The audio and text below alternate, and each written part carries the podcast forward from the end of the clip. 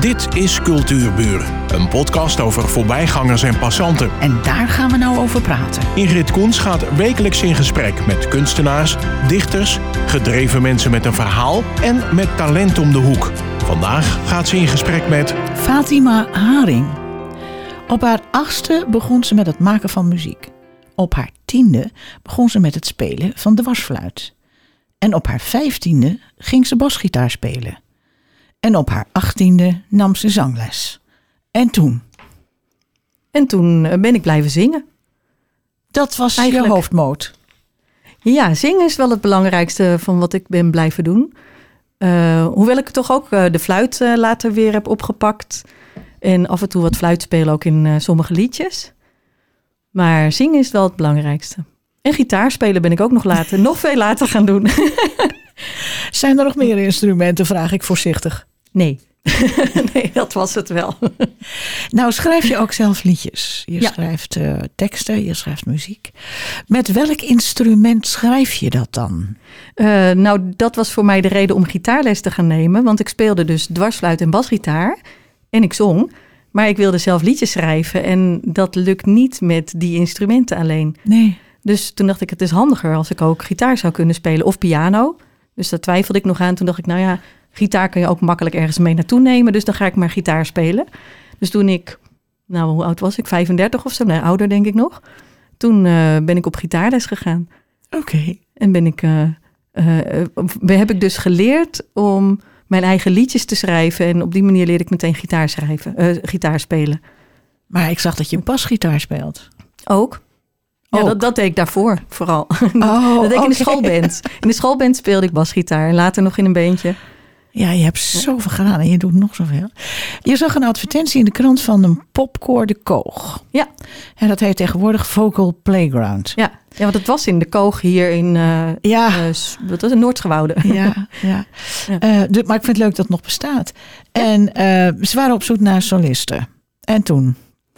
Nou, ze deden, we gingen de musical Hair doen. En toen dacht ik, oh, dat vind ik leuk. Dat, eh, daar hou ik wel van. Dus toen heb ik me aangemeld. En daar moet je dan ook auditie doen als je een solo wilt zingen. Dus eh, dat heb ik toen ook gedaan. En kreeg ik een solo. En eh, het was ook een heel leuk koor. Heel veel leden die er toen op zaten, zitten er nog steeds op trouwens. Ik ben er uiteindelijk mee gestopt, want dat viel niet meer te combineren met de band en zo. Maar veel mensen die zitten er dus nog steeds bij. En volgens mij was ik een jaar of 25 of zo toen ik erbij kwam. Ik ben inmiddels 50. Dus zo lang bestaat dat popcore in ieder geval al. Ja, wat leuk. ja. Maar ze bestaan. Ja, leuk. leuk. Maar ze heten nu Vocal Playground. Zitten Ja. ze nog steeds in Noordscharwoude? Nee, want de koog is weg. Ja. Dus uiteindelijk zijn ze volgens mij in Herugewaard gaan repeteren. En volgens mij zitten ze nu, is er een deel in Herugewaard en een deel in Waarland, geloof ik. Heb ik wel eens gehoord. Oké, nou maar voor mensen die Dus, eh, willen zingen, Ja, ja, zoek het op. ja, zeker. Want het is echt een leuk koor. Ja. Gezellig en eh, heel informeel. Je, je hoeft ook niet super goed te kunnen zingen, wil je daarbij gaan. Het is een vrij groot koor, dus je kan altijd wel aanhaken dan. Dus, eh, maar het is vooral heel gezellig en, eh, en leuke nummers kiezen ze ook altijd uit. Kijk, dat is heel belangrijk. Het wordt nog ik. steeds door, door Jasper Teulen geleid. Het was Ja. toen Jasper Teulen en Reniet Vriesen samen van de Pilgrims. Die eh, begonnen en uiteindelijk zijn ze... eh, ze hadden meerdere koren door Noord-Holland. En uiteindelijk hebben ze het verdeeld. En Jasper Teulen zit in deze regio. Oké, we gaan even verder. Uiteindelijk bleek zingen niet alleen voldoende voor je te zijn. Je bent met behulp, want zijn naam viel al, met Reniet Friese ben je Ja. begonnen met het schrijven van je eigen muziek. Hoe kwam je aan Reniet? Want het is niet de eerste de beste. Eh, via het popkoor dus. En want hij leidde het popkoor. Oh, daar ligt die link. Daar leerde nou snap ik ja, het. Daar leerde ik eh, dus Reniet kennen. En die heeft dan een eigen studio in Zaandijk. Eh, op een gegeven moment, ik mailde hem volgens mij een keertje van... eh, goh, ik wil zelf leren muziek schrijven. Niet alleen teksten, maar ook echt de muziek. Maar ik weet niet hoe ik dat moet aanpakken. Geef jij niet toevallig ook eh, cursussen? Want hij gaf allerlei cursussen. Geef je niet ook een cursus songwriting of zo? En dat deed hij toen nog niet. Maar hij gaf wel een, de Rock Vocal University. Samen met Vicky van Zeil. En dan hadden we iedere vrijdag hadden we een uur zangles van Vicky. En een uur improvisatie en dat soort dingen van Reniet. En daar schreef je wel je eigen tekst, maar dan schreef hij de muziek erbij. En ik, dat duurde een jaar, geloof ik. Dus dat was een heel project. Met een groot optreden daarna. Dat was heel leuk om te doen. Heb ik ook heel veel geleerd. En eh, toen ging hij dit, dat seizoen daarna, had hij wel een ehm, eh, cursus opgezet, songwriting. En eh, daar kon je op inschrijven. En uiteindelijk eh, waren er twee die op inschreven, Judith de Vos en ik. en toen hebben we samen een cd'tje gemaakt uiteindelijk, want we waren maar met z'n tweeën. Dus we hebben ieder vier eigen nummers geschreven en vier nummers samen. En dat is samen toen op een cd'tje beland ook. Dus Songwriting, hè? dat, dat ehm, komt heel veel naar voren. Tegenwoordig ook op tv Ja, en alles ja. en nog wat. Maar ik begrijp niet hoe dat werkt. Ik eigenlijk ook nog steeds niet. Dat kan je niet Die maken. Nou ja, meestal Je is het schrijft dan... schitterende nummers en nou, nou ga je dat vertellen. Ja, maar er nee, zit niet een hele gedachte achter bijvoorbeeld. Het is meestal, dan heb ik een idee voor een onderwerp. Dan denk ik, oh, dat is wel leuk. Dan, eh, of eh, bijvoorbeeld Girl Power heb ik geschreven. Dat bedoel ik. Eh, ja, dat, was omdat we bij Internationale Vrouwendag, de, de viering van Internationale Vrouwendag van Amnesty International Schagen, waren gevraagd om te komen optreden. En toen dacht ik, nou, ik vind het ook wel leuk om. Ik wist dat ruim van tevoren, dus ik had echt de tijd om daar dan ook even een liedje voor te schrijven. Dus eh, eh, toen werd ik ook nog eh, wekelijks gecoacht door Raoul, Raoul Bakker. En ehm, eh, dus waarin, ik had waarin werd je gecoacht? eh, in songwriting. Dus dat was nadat ik de cursus bij Reniet had gedaan. Raoul gaf daar ook gitaarles in die studio. Dus zo. En toen ben ik er dus aan Raoul bij blijven plakken, zal ik maar zeggen. En die heeft me dus eh, ook wat geholpen. Want ik zei, nou, ik heb wel ideeën. Maar dan weet ik niet, ja, wat moet ik hier nou voor een akkoord spelen? Want dit heb ik geprobeerd en dat en dat klinkt niet. En nou, dan gaf hij verschillende opties. En oh ja, ja, dat akkoord kende ik nog niet. Maar die, die klinkt goed. Hoe speel je die? Dus zo, zo heb ik eigenlijk ook gitaar leren spelen. dus, eh, en eh, ja, daar had ik dus wel eerst ook dingen voor opgezocht. Dus de- dat was een heel uitgebreid eh voortraject voor dat nummer. Dus van alles opgezocht over... het onderwerp was toen onderwijs aan meisjes. Dus van alles van UNICEF, rapporten gelezen en weet ik veel. Dus heel veel op internet gezocht. En, en dan daarvan dus een tekst geschreven. En daar dan weer de muziek bij bedacht. Maar die komt gewoon zomaar in me op. Dan denk ik, heb ik een melodie in mijn hoofd. En dan denk ik, oh ja, dat klinkt dan wel leuk. En daar moet ik dan de akkoorden weer bij gaan zoeken. Van wat, wat past daar dan weer bij? En daar had ik dan Raoul weer voor nodig. En nog steeds wel eens hoor. Als ik denk, ik kom er even niet uit, dan... eh, dan, dan gaan we tegenwoordig doen we dat dan eventjes online. dus dan gewoon eh maar, via maar, Teams. maar ik- ben er nog helemaal niet hoor. Want eh, je schrijft een nummer. Daar zit een bepaald ritme in. Daar zit, eh, laten we eerst eens even zeggen. Is, wat is het verschil tussen een gedicht en een song? Ik denk dat een song een gedicht op muziek is. Ja, maar het, het moet toch aan bepaalde dingen voldoen. Het moet toch een refrein hebben. Ja, ik heb wel altijd een eh, redelijk vaste opbouw inderdaad. Vaak twee coupletten, een refrein, dan weer een couplet bijvoorbeeld. En dan een refrein En dan moet er iets van een solo in zitten. Ja, die die solo's doe ik niet hoor. Want zo goed speel ik niet gitaar. Dus, maar wel een brug, dat je weer even wat anders hebt. Ja. En dan vaak weer een refrein of een couplet. En, eh, maar soms begin ik met het refrein. Ja, dat, Dat- kan Dat kan allemaal. ook, hè. Dus, het- maar het maar is die- dus niet hetzelfde. Nee, niet helemaal, nee. nee. Misschien zijn de coupletten het meeste ge- te vergelijken met een gedicht. Want er zit, ja, maar, maar in, een, in een couplet van een song zitten ook klemtonen. Die je weer in de muziek terug hoort. Soms Dus- kloppen die ook niet. dat klopt. Dus wie is er nou eerst? Kip of het ei? De En dat- dat wisselt of de ook. muziek? Ja, nou dat verschilt ook. Bij Girl Power was dus eerst de tekst er. En Ja. heb ik daarna de muziek erbij bedacht. Maar het is eh, vaker nog andersom. Dat ik een melodietje in mijn hoofd heb. En eh, dan neem ik dat even op op mijn telefoon. Dan zing ik dat gewoon even in met la la la la la. Verder niet. Of soms een paar woorden al wel, maar verder nog niks. En dan ga ik dat weer uitwerken door daar akkoorden bij te bedenken die leuk zouden klinken bij die melodie. En dan pas komt de tekst. Vaak is het die volgorde. Dus je past de tekst dan aan aan de muziek. Als je Ja. eerst de muziek hebt. Ja. En als je eerst de tekst hebt. Dan pas je de muziek aan aan de tekst. Het is dus eigenlijk heel verschillend Ja. wat je doet. Ja, het is iedere keer weer anders. Ja. Ik kan ook niet, nou ja, ik heb het wel eens ge- wel gedaan hoor. Dat ik echt ging zitten van ik ga nu een liedje schrijven. Maar dat ja, precies. zijn dan liedjes die heb ik uiteindelijk ook nooit meer uitgevoerd. Want dat waren toch niet de beste liedjes blijkbaar. Ze moeten in je hoofd vallen. Ja, dat, dat vind ik het makkelijk. De muziek of, of een de liedje. tekst. Ja, dat maakt niet uit. Het kan, eh, ja. Nou, we zitten nu toch bij Girl Power. Ik had daar ook nog een paar dingen over opgezocht. Eh, en wat ik uit dat, uit dat nummer een prachtige zin vind. is Girls Help Your Sister. Mhm. Ehm, waardoor werd je getriggerd om dat op te schrijven? Ehm, dan moet ik even heel goed denken, want het is al wel een paar jaar geleden dat ik hem heb geschreven. Maar als ik het zing, dat, dat gevoel heb ik natuurlijk nog wel erbij. Dus ik weet niet of, of ik het toen ook zo bedacht heb. Maar als ik het nu zing, Girls in the World, Help Your Sisters, is ei- eigenlijk wat je nu ook ziet gebeuren met Iran. Hè? Dat eh, vrouwen een lok afknippen of de demonstraties en dat soort dingen. Dat we dus elkaar steunen in de wereld. Mogen ook mannen zijn hoor. Dat, dat maakt eigenlijk niet zoveel uit. Maar Nee. het, het nummer is girl power, dus echt de, eh, de kracht vanuit de vrouw. En eh, dus ook van, ja, meiden, help elkaar een beetje, want niet voor iedereen is het even makkelijk. Ik vond dat zo'n eh, aangrijpende zin. Hè? Vandaar dat ik het ja. eh, vraag. Dus dat hele nummer gaat daar ook over. Ja. Ehm, was dat eerst, eerst het, de, de, de song die er was? Eerst de tekst. Ja, ja. Ja. ja. Die is ook heel sterk ook. Hè? Ehm, jij wordt onder andere geïnspireerd door Heather Nova. Mhm. En eh, ik heb haar geluisterd en ik heb haar tekst. Ik heb zelfs een tekst meegenomen.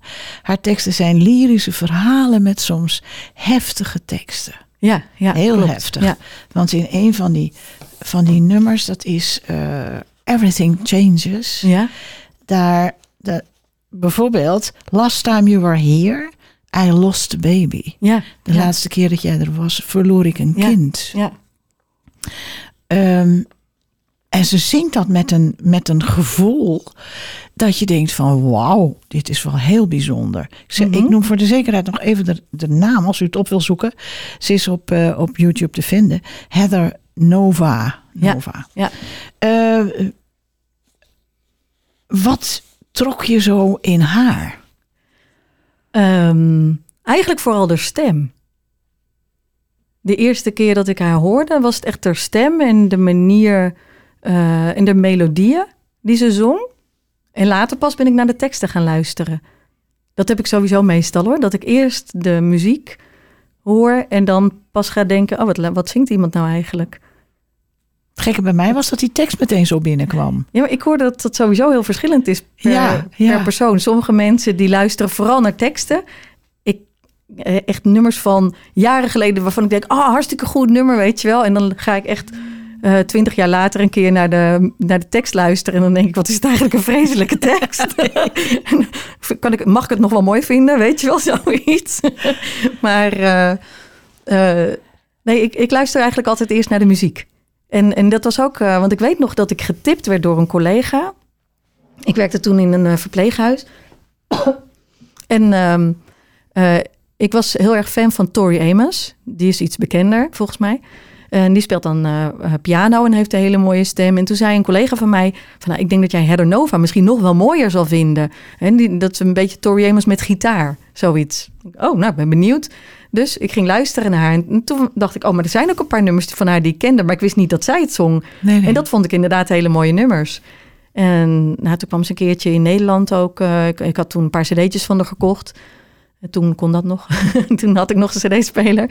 En eh, toen kwam ze in Nederland. Ik denk, nou, dat wil ik wel eens zien ook. Dus ik ben naar een concert van haar geweest in Amsterdam. Nou, vond ik echt helemaal geweldig. Dus toen was ik wel echt fan geworden van haar.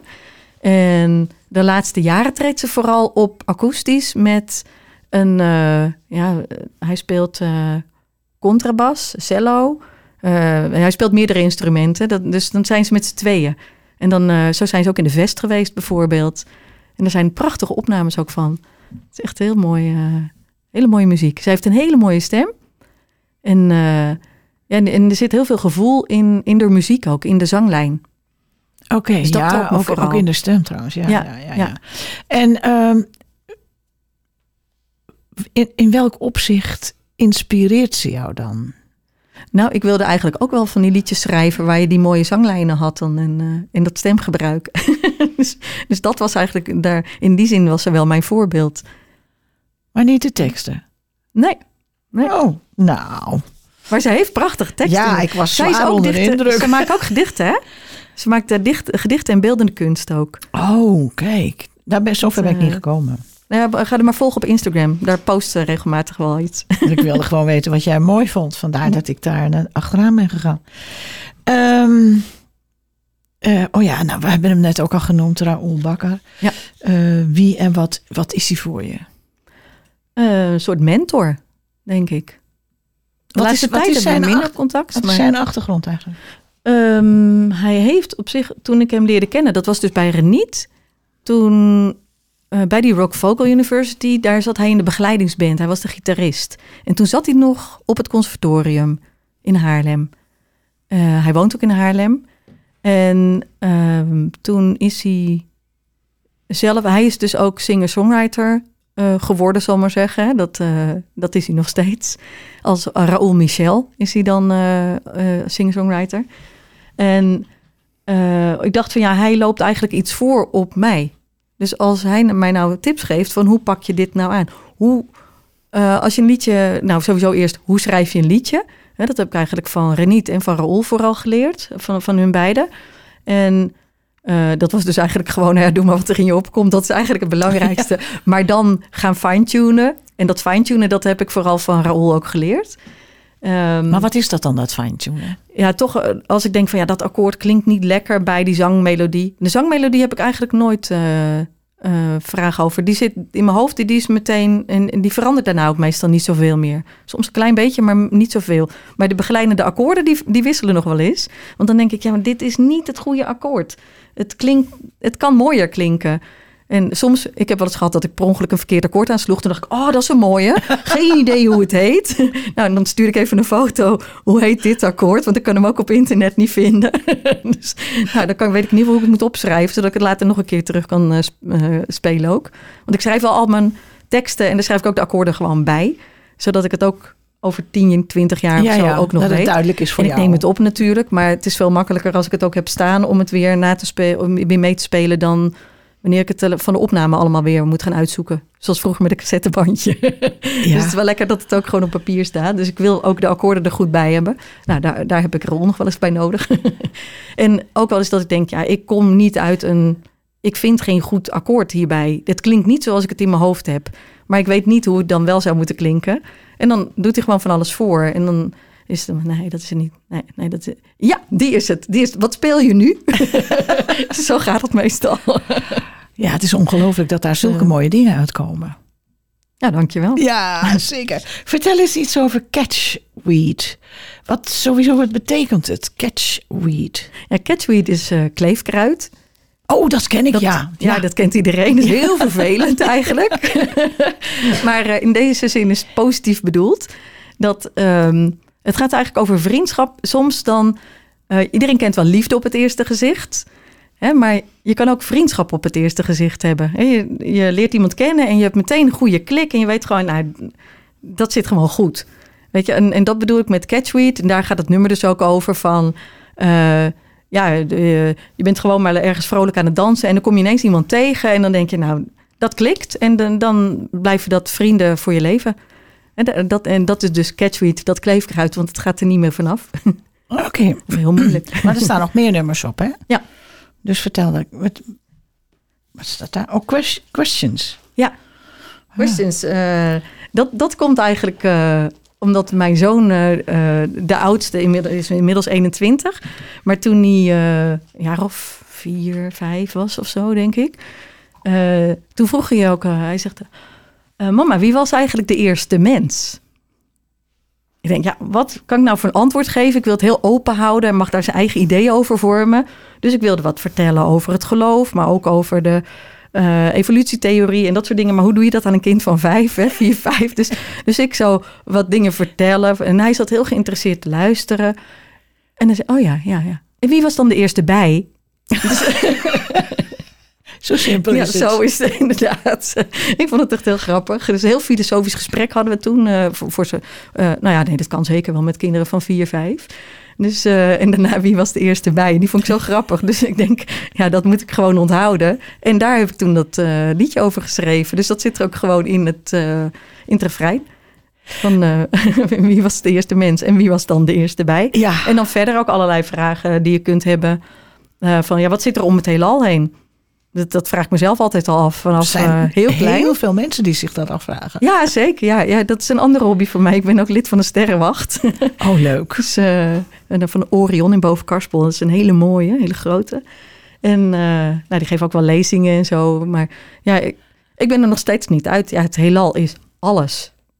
Ja, maar als je iets kan vastpakken, moet daar nog iets omheen zitten, is mijn gevoel dan. Ja, dat weten we niet, hè? Nou, dat zit dus ook in dat liedje. En dus eigenlijk allerlei vragen eh, die ik heb, of die mijn zoontje dus had, die, eh, of misschien nog wel heeft, eh, die zitten in dat liedje. Kunnen we het een filosofische tekst noemen? Ja, dat is wel een fi- filosofische tekst, questions. Ja. Oké. En die, die sterrenwacht, vertel eens, wat, wat heeft die invloed op jouw teksten? Ja, de- deze tekst dan, neem ik aan. ja, Want, want maar verder eigenlijk niet. jij doet daar verder in je leven niets mee. Nee, ik kijk af en toe even door een telescoop, maar dat is. eh, en ik ga af en toe naar een lezing, maar verder niet.